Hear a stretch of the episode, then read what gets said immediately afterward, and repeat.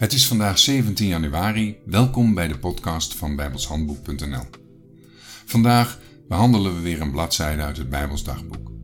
Iedere dag een korte overdenking met als doel je geloof op te bouwen en te versterken. De muziek bij deze podcast is geschreven en uitgevoerd door Jack Andrew. Voor vandaag wil ik beginnen met het lezen van Romeinen 1, vers 16 waar staat: Want ik schaam mij des evangelies van Christus niet. Want het is een kracht Gods tot zaligheid en ieder die gelooft. Eerst de Jood en ook de Griek.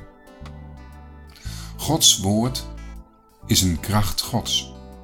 Hier geeft de apostel Paulus een reden waarom hij bereid is om het woord van God in Rome te verkondigen.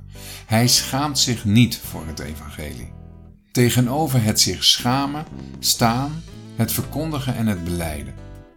Lees Lucas 9, vers 26 en 2 Timotheus 1, vers 8. Het evangelie heet hier het evangelie van Christus, omdat de inhoud de uit de dood opgestaande heiland is. Vandaar ook dat het evangelie een kracht Gods is, want het gaat om Hem die de dood heeft overwonnen.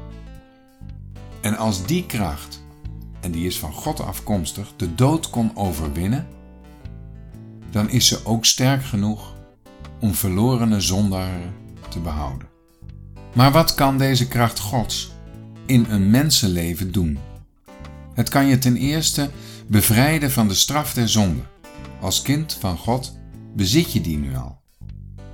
En ten tweede, het bevrijdt van de macht van de zonde, dat is een werkelijkheid die nu in de gelovigen wordt uitgewerkt.